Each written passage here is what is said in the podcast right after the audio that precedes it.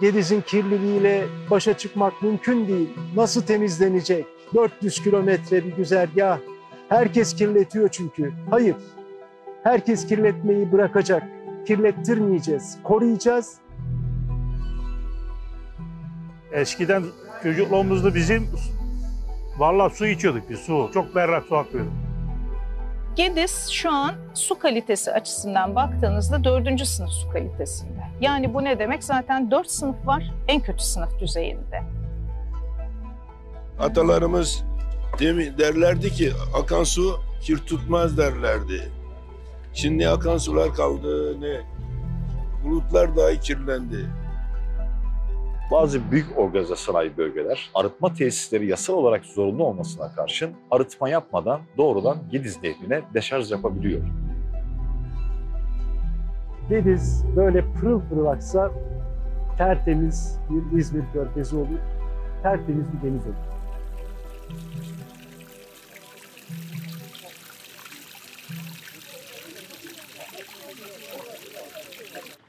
Eyvallah. Teşekkür ederim. Tamam abiciğim sağ ol. Başkanım ya bu ne güzellik. Aynen ya. Sayın Başkanım.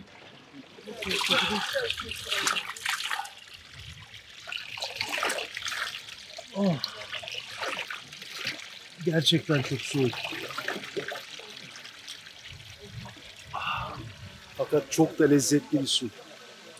Nefis bir su. Kütahya'nın Altıntaş ilçesinin Sarayçık köyü. Evet. Gediz ilçesinin Çukuran köyüyle sınır burası. Göreceğiz yol boyunca Ne hale geldi? ne hale geldiğini. Bakıyor, bakıyor, su. Gerçekten bir mucize. Onu şu anda görüyoruz, keşfediyoruz. İnsanın içi coşuyor. O gürül gürül akan su, onun sesi, onun güzelliği sizin içinize de yansıyor ve sizi de coşturuyor. Adeta bir terapi, iyileştiğinizi hissediyorsunuz.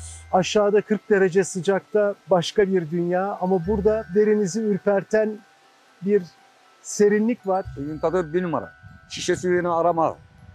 Ben suya geldim. Hem gezeceğim, hem pikniğimi yapacağım, hem suyuma götüreceğim. Buradan başka yerde su içmem. Köydeki suyu da içmiyorum.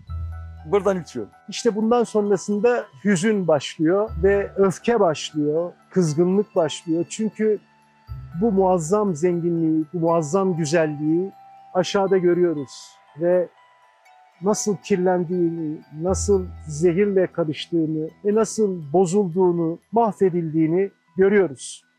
Buna izin vermemek lazım. Nasıl temizlenecek? 400 kilometre bir güzergah. Herkes kirletiyor çünkü. Hayır, herkes kirletmeyi bırakacak.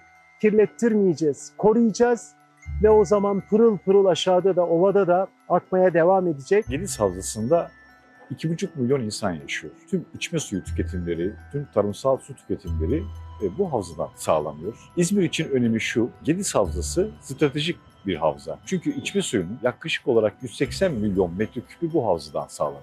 Dolayısıyla İzmir Gediz Havzası'na çok bağımlı. Bu havzadaki kuraklık, bu havzadaki kirlilik, baskı etkiler İzmir'i doğrudan ilgilendiriyor. Gediz'in bu 401 kilometrelik güzergahında Alaşehir, Salihli, Turgutlu, Menemen, Kemalpaşa, Sarıgöl bu ovalar var. Ve bu ovalar Gediz Havzası aslında. Türkiye tarımının %10'u burada yeşeriyor. Sebzenin %5.6'sı burada yetişiyor. Türkiye'nin toplam zeytin üretiminin %10'u bu havzada yetişiyor. Üzümün %16'sı bu havzada yetişiyor. Dolayısıyla bu sadece ne Manisa'nın, ne Kütahya'nın, ne İzmir'in meselesi değil. Bu Türkiye'nin meselesi. Gediz havza olarak, nehir olarak ülkenin en önemli bölgelerinden birisi. Kütahya'dan doğarak Uşak'a, Manisa'yı kat ettikten sonra İzmir'e, İzmir Körfezi'ne geliyor. Aslında kaynağında çok güzel, çok berrak bir su olarak doğmuşken insanla temas ettikten sonra çok çok çok farklı etkenlerle iç içe kalıyor. Gediz şu an su kalitesi açısından baktığınızda dördüncü sınıf su kalitesinde. Yani bu ne demek? Zaten dört sınıf var en kötü sınıf düzeyinde. Gediz elden gitti gidiyor. Şu an için biz kirliliği durdurursak, kirletmeyi durdurursak zaten kendi kendini temizleyebilme kabiliyetinde olan bir dünyamız, bir doğamız var. Buna saygı duymamız lazım. Stop deyip yaşamımızı kirletme ve temelli yönetebilmemiz lazım. Bizler belediye başkanı olarak önce bize emanet edilen o şehri korumakla yükümlüyüz. Şehrin doğasını, doğal varlıklarını, zenginliklerini, suyunu, toprağını, ağacını, kuşunu, böceğini, otunu korumak mecburiyetindeyiz. Turgutlu Organize Sanayi Bölgesi'nde sanayi bölgesinin tesislerinin atığı göz göre göre sulama kanalına veriliyor. Gediz'den çıkan sulama kanalı tarlalara, meyve bahçelerine su versin diye yollanan suya zehri akıttığını gördük. Ve bu son 3-5 yıldır değil, 20 küsur yıldır devam ediyor. sanayi bölgesinin atık suları kanala karışıyor. Diğer atıklarla buluşup daha da kirlenmesine sebep oluyor. Sanayi kuruluşlarının ve e, bazı e, kurumların nehirlere, çaylara, derelere, ırmaklara, akarsulara bakış açısı ne yazık ki bulunduğu bölgeye can veren bir hayat damarı olarak değil, kirli ve zehirli ne kadar atığı varsa bu atıklarını gönderecekleri bir foseptik kanalı gibi görüyorlar böyle. Bakanlık 200 bin lira ceza kesmiş. Güzel. Bir daha ne zaman kesecek, bir daha ne zaman kontrol edecek belli değil. O 200 bin lirayı veriyor. 200 bin lira karşılığında nehrimiz zehirlenmeye devam ediyor. Bunun bedeli bu olmamalı. Şu anda organize sanayi bölgemizde 46 tane firmamız var. Bu firmalarımızın atık sularını ilk giriş prosesinden deşarj suyuna kadar kimyasal ve biyolojik arıtmaya tabi tutuyoruz. Sanayi tesisleri, arıtma tesislerini yapmak zorunda. Yapanlar var ama bazıları çalıştırmıyor. Neden? Elektrik parası ağır geldiği için. O elektrik parasından kaçınmayacak sanayici. Arıtma tesisinin yapılması için irade ortaya koyacak yerel yönetici, Çevre Şehircilik Bakanlığı. Eğer bunları yapmazsak elimizden gidiyor. Bunu çok ekstra, çok olağan dışı bir maliyet olarak görmememiz gerekiyor. Bu tesisin aylık 400-450 bin TL civarında bir maliyeti var. Yıllık 1-1,5 milyonluk elektrik maliyeti var. Ama teşvikleri de var devletin. Yıllık yaptığımız elektrik maliyetinin yarısını devlet eğer burayı düzgün işlettiğimiz takdirde bize geri ödüyor. Sanayiden para kazanılacak diye, üretimden para kazanılacak diye, ihracat yapılacak diye bunu göz ardı etmememiz lazım. Bu tesis bunun ikisinin bir yapılabileceğini gösteriyor. Yani hem üretim yapmak hem de çevreyi kirletmemek mümkün.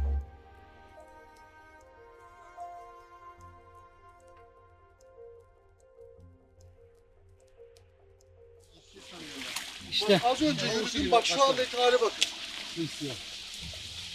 Biz bunu tarımda içme suyu olarak kullanıyoruz ve kullandırılmaya maruz bırakıyoruz. Arıtmadan mı geliyor? Arıtmadan geliyor.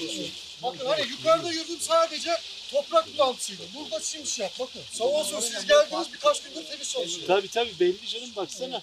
Bazı büyük organize sanayi bölgeler arıtma tesisleri yasal olarak zorunlu olmasına karşın arıtma yapmadan doğrudan Gediz Nehri'ne deşarj yapabiliyor. Hatta nehri ötesinde nehre ulaşamadığı için devlet su işlerinin sulama kanallarına deşarj ediyor.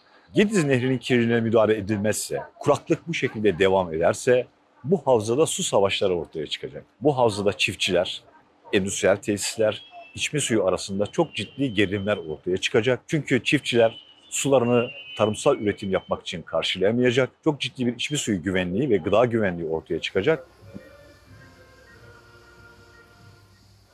1959 doğumluyum. Emirhalem'de doğdum. Emirhalem yaşıyorum merkezde. O zamandan bu yana çiftçilikle uğraşıyoruz yani. Gediz'in suyu çok pis. Onun için kullanamıyoruz. Artizanlarımız var bizim derin kuyu. Suyumuzu onlarla tedarik ediyoruz. Aşağı yukarı 20 seneden beri kullanamıyoruz ya. Çok kirli akıyor, çok kirli akıyor. Köpürüyor su ya. Hani bir tane canlı bir şey yaşamıyor suda. Kurbağa ne balık ne bir şey. Hiçbir şey yaşamıyor. Eskiden çocukluğumuzda bizim Vallahi su içiyorduk biz su. Çok berrak su akıyordu. Ama şimdi nerede suyu içtim e, hastaneye varamazsın yani. O kadar şey pis su akıyor yani. İsyan ediyoruz ama hani sesimizi duyan kim? ortak bir irade, güçlü bir irade, kararlılıkla bunun önünü kesecek adımları atacağız. Arıtma nereye yapılması gerekiyorsa yapacağız. Nereye kanal yapılması gerekiyorsa yapacağız. Ama bir şey şart. El ele vereceğiz. Herkes aynı sorumluluk duygusuyla hareket edecek. Kanalizasyon akıtmayacağız. Sanayi atığı akıtmayacağız. Tarımsal kirlenmeye izin vermeyeceğiz. İşte o zaman o bereket, o bolluk, o refah bütün ovaya yayılacak. Onu bıraktım. Bak hayvancılık yapıyordum. Yemin çuvalı 160 lira oldu. süt satıyorum.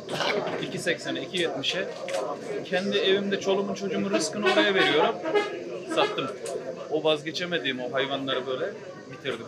Şimdi çiftçilikle uğraşıyoruz. Geri geldi şura bakkala evin yiyeceğini içeceğini yazdırdım. 2500 lira borcum olmuş. Bakkal çekine çekine hani beni de kaybetmek istemiyor. Tatlı bir dille yani bulamadım ya. Çay. Çok ağır bir. Hiç iyi değiliz abi. Şimdi bu genç adamı dinleyince iyilik mi kalır insanda? Yani çok üzücü ya, çok. Yani memleketin bu kadar bereketli toprağı, bu kadar bereketli iklimi, yeraltı suyu, nehri, her şey var ya. Çektiğimize bak.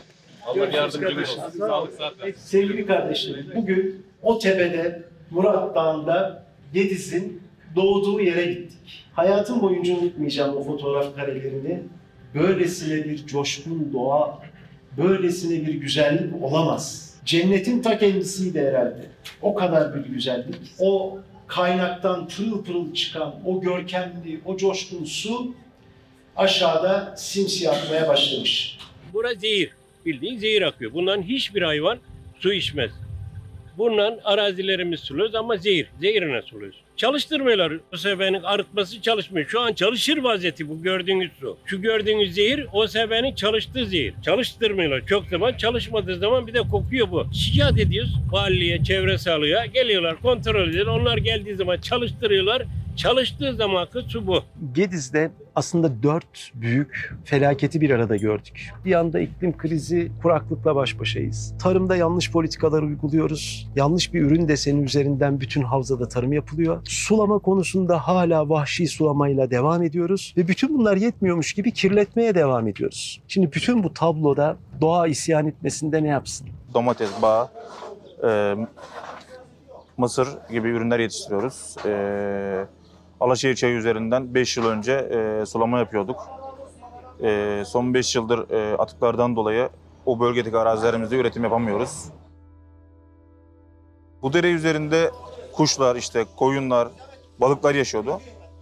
Yani şu an insanlar derenin üzerinden geçemez konuma geldiler yani. Derenin aktığı alandan ot dahi çıkmıyor yani. Gençliğimizde buralardan biz elimizde balık tutuyorduk ya. Köyün bütün gençleri o dereden belki yüzmeyi orada öğrendiler yani. Havzanın sulak alanlarında çok ciddi bir baskı altında. Marmara Gölü sulama amaçlı kullanılan bir göldür burası. Gölün toplam 150 milyon metreküp hacmi vardır. Ama bugün göl 16 milyon metreküpe düşmüş durumda. Bu artık canlı hayatı ve bütün bir ekosistemi çok ciddi bir şekilde etkiliyor. Havzadaki on binlerce çiftçi bu yıl bu su kısıtından doğrudan etkilenecek ve havzada 60 binin üzerinde pompa var. Bu pompaları kullanmaya başlayacak. Bu da yeraltı sularının çok daha derinlere inmesi anlamına geliyor. Sulak alanları besleyen ekosistemlerin bundan etkileneceğini gösteriyor. başından beri büyük imalat hatalarıyla yüz yüze kalınmış ve onlar giderilsin diye yine ilave yatırımlar yapılmış. Çok para harcanmış. İzmir'e yeteri kadar taahhüt edildiği kadar su verilemiyor. Tarımsal sulama için kullanılamıyor. Derenin kesilmiş olduğu için Göl Marmara'ya su erişemiyor. Yani herkes e, isyan ediyor. Sıkıntımız göl çocuk. Gölümüz kurudu. İdaremiz oradan çıkıydı. Başka gelir kaynağımız yok. Sular çekilince hepsi bitti çocuk. Sudaki hayvanlara çok üzülüyoruz, suyumuz yok. Şimdi şu anda hep hayvanlar ölmek üzere. Su olmazsa yaşamımız zor. Gençlerimiz zaten şehire gitti. Geçimimiz olmayınca ne yapacağız? Biz kendi karnımızı doyuramayız ki. Göl yok, balık yok. Neyle geçineceğiz? Göle su gelmezse yaşayamayız. Su olmazsa göçeceğiz. Göçmesen ne, neyle yaşayacağız? Artık uyanmanın vakti geldi. Bugüne kadar o Manisa sınırında Manisa'nın işi, o Kütahya sınırında Kütahya'nın işi, o Uşak sınırında Uşak'ın işi, herkes topu birbirine atmış ve sahipsiz kalmış. Sahibi biziz kardeşim. Hep beraber biziz. Bizi il olarak bölmüş olsalar da biz aslında aynı havzanın insanlarıyız. bu hikayeyi organize edecek bir iradeye ihtiyaç vardı. Çünkü bu dört ayrı şehir. Biz elimizi taşın altına sokmaya karar verdik. Biz bu işte boğuşacağız. Ben 35-40 yıldır balıkçılık işi. Bizde arazi yok. Allah'ımıza şükür yine 3 senedir kuruttular gölü, iş bitti. Burada bir yol açtılar, bir oradan tarla yaptılar. Hani oy çıkarına bitti. Oy çıkar, oy çıkar, oy çıkar. Yanlış politika. Memleket bu hale geldi yani. İş olursa işe gidiyor. İş olmasa civalara bakıyorum bak. Bir sürü civa var. Benim torunlar var burada bak. Benim torunlarım bunlar. Bu gölün adı Marmara Gölü. Gölde aklım Erdereli balıkçılık yapayım. Gölümüzün bu hale gelmesi bizleri çok mağdur etti. Kayıklarımız aha görüyorum karada duruyor. Sazan, levrek, balığımız boldu. Yani sıkıntı yoktu ama baraj yapıldı. Gördes Barajı. Gölün akarsuyu orada engellendi. 7-8 tane köyümüz var göl etrafında. Köylerde hepsinde balıkçı aileler var. Hepsi mağdur yani şu durumda. Bitti. Balıkçılık olayı bitti. Hatta kayığımı satlığa dahi çıkardım. Şimdi biz bir yandan iklim krizi dedik. Bir yandan hala suyu har vurup harman savuruyoruz ve vahşi sulama denilen salma sulamayla hala devam ediyoruz. Ama hepimiz biliyoruz ki yeraltı su kaynakları aşağı indi. En az %50 aşağı indi. Bazı yerlerde daha vahim. 7-8 metreden su çıkarken artık 250-300 metrelerden su çıkmaz oldu. Kuruyoruz. Kuruyoruz. Tükeniyoruz. SOS veriyor, alarm veriyor. Denir ya, geçti onlar. Bitişe doğru gidiyoruz. Yok olmaya doğru gidiyoruz. Düşünün 2-2,5 milyonluk insandan bahsediyorum. Aslında bütün havzanın içme suyu kaynakları da Gediz'den besleniyor. Ama bedava. Bulut bedava. Dere tepe bedava. Peynir ekmek değil ama acı su bedava. Atalarımız derlerdi ki akan su kir tutmaz derlerdi. Şimdi akan sular kaldı ne? Bulutlar dahi kirlendi. Yetiş kirlendi. Büyük Menderes, Küçük Menderes, Sakarya, Geç Meriç hepsi kirlendi. Şöyle bir şey örnek vermek istiyorum. İnsan bedenindeki damar nasıl kan taşırlar ve bedene can verirler. Gediz, Ergene aslında bu coğrafyanın, Anadolu'nun can damarları. O can damarlarına düşünün ki biz zehir enjekte ediyoruz. Böyle bir tablo bu. Bu kadar vahim bir tablo. Eğer bunu önleyebilirsek o damarlar bu coğrafyaya hayat vermeye devam edecek. Onun için Ergene olmayacak Gediz. Onun için Marmara olmayacak İzmir Körfezi. Gediz böyle pırıl pırıl aksa tertemiz bir İzmir Körfezi olur. Tertemiz bir deniz olur. Gediz'de su kalmadı. Yeraltı suları bitti. Eskiden yeraltı suların statik seviyeler 20-30 metreydi.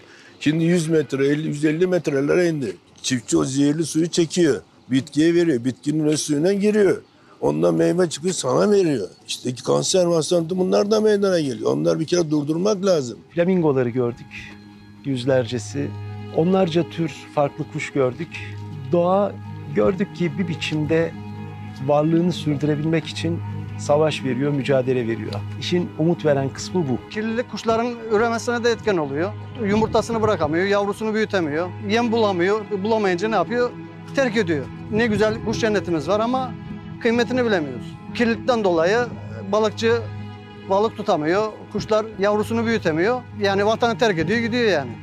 Biz de ondan sonra balık gelsin, kuş gelsin diye bekliyoruz. Delta'ya baktığımızda aslında Türkiye'de üreyen kuşların üçte birinin Gediz Deltası'nda ürediğini gözlemledik. Dünyanın flamingoların %10'u Gediz Deltası'nda yaşamakta. Her yıl burada 18 bin ile 20 bin Flamingo yavrusu dünyaya gözlerini açıyor. Delta bu kadar önemli. Gediz Deltası'nın UNESCO Dünya Doğa Mirası ilan edilmesi için çalışmalarımızı başlattık. Bunu İzmir Büyükşehir Belediyesi'nin de önderliğinde sürdürüyoruz. Biz artık İzmir'de Temiz Gediz, Temiz Körfez sloganıyla aslında Gediz Deltası'nın tamamen temizlenmesi ve daha çok kuş türüne, daha çok canlı çeşitliliğine ev sahipliği olmasını istiyoruz. 30 yıldır balıkçılık yapıyorum.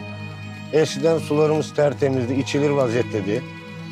Balık daha güzel oluyordu. Şu an kirlilikten her şey değişti diyelim yani. Eskiden e, nehirde sazan vardı, yayın balığı vardı, yılan balığı vardı. Şu an yüzde doksanı yok yani yüzde bir diyelim. 17-18 senedir balık tutmuyoruz Gediz'den. Kirlilikten dolayı. Elimizi sokamıyoruz. Gediz'in temizliği için harcanması gereken miktar bizim yaptığımız hesaplara göre 1 milyar 500 milyon lira civarında. Kanal İstanbul dediğiniz projenin maliyeti 70 küsur milyar lira. O kanala yapacağınız yatırım yerine 50 tane Gediz'i temizleyebilirsiniz. Önce Gediz'i temizle, sonra başka şey yap. Evet değerli arkadaşlar. 4 günlük 401 kilometrelik Yeliz yolculuğumuz bugün son buluyor ve biz 4 gün önce Kütahya'da Murat Dağı'nda Kayapınar Şelalesi ile yolculuğumuzu başlattık. Gediz'in güzergahı boyunca da ona eşlik ettik. Ve işte bugün denize döküldüğü noktada beraberiz.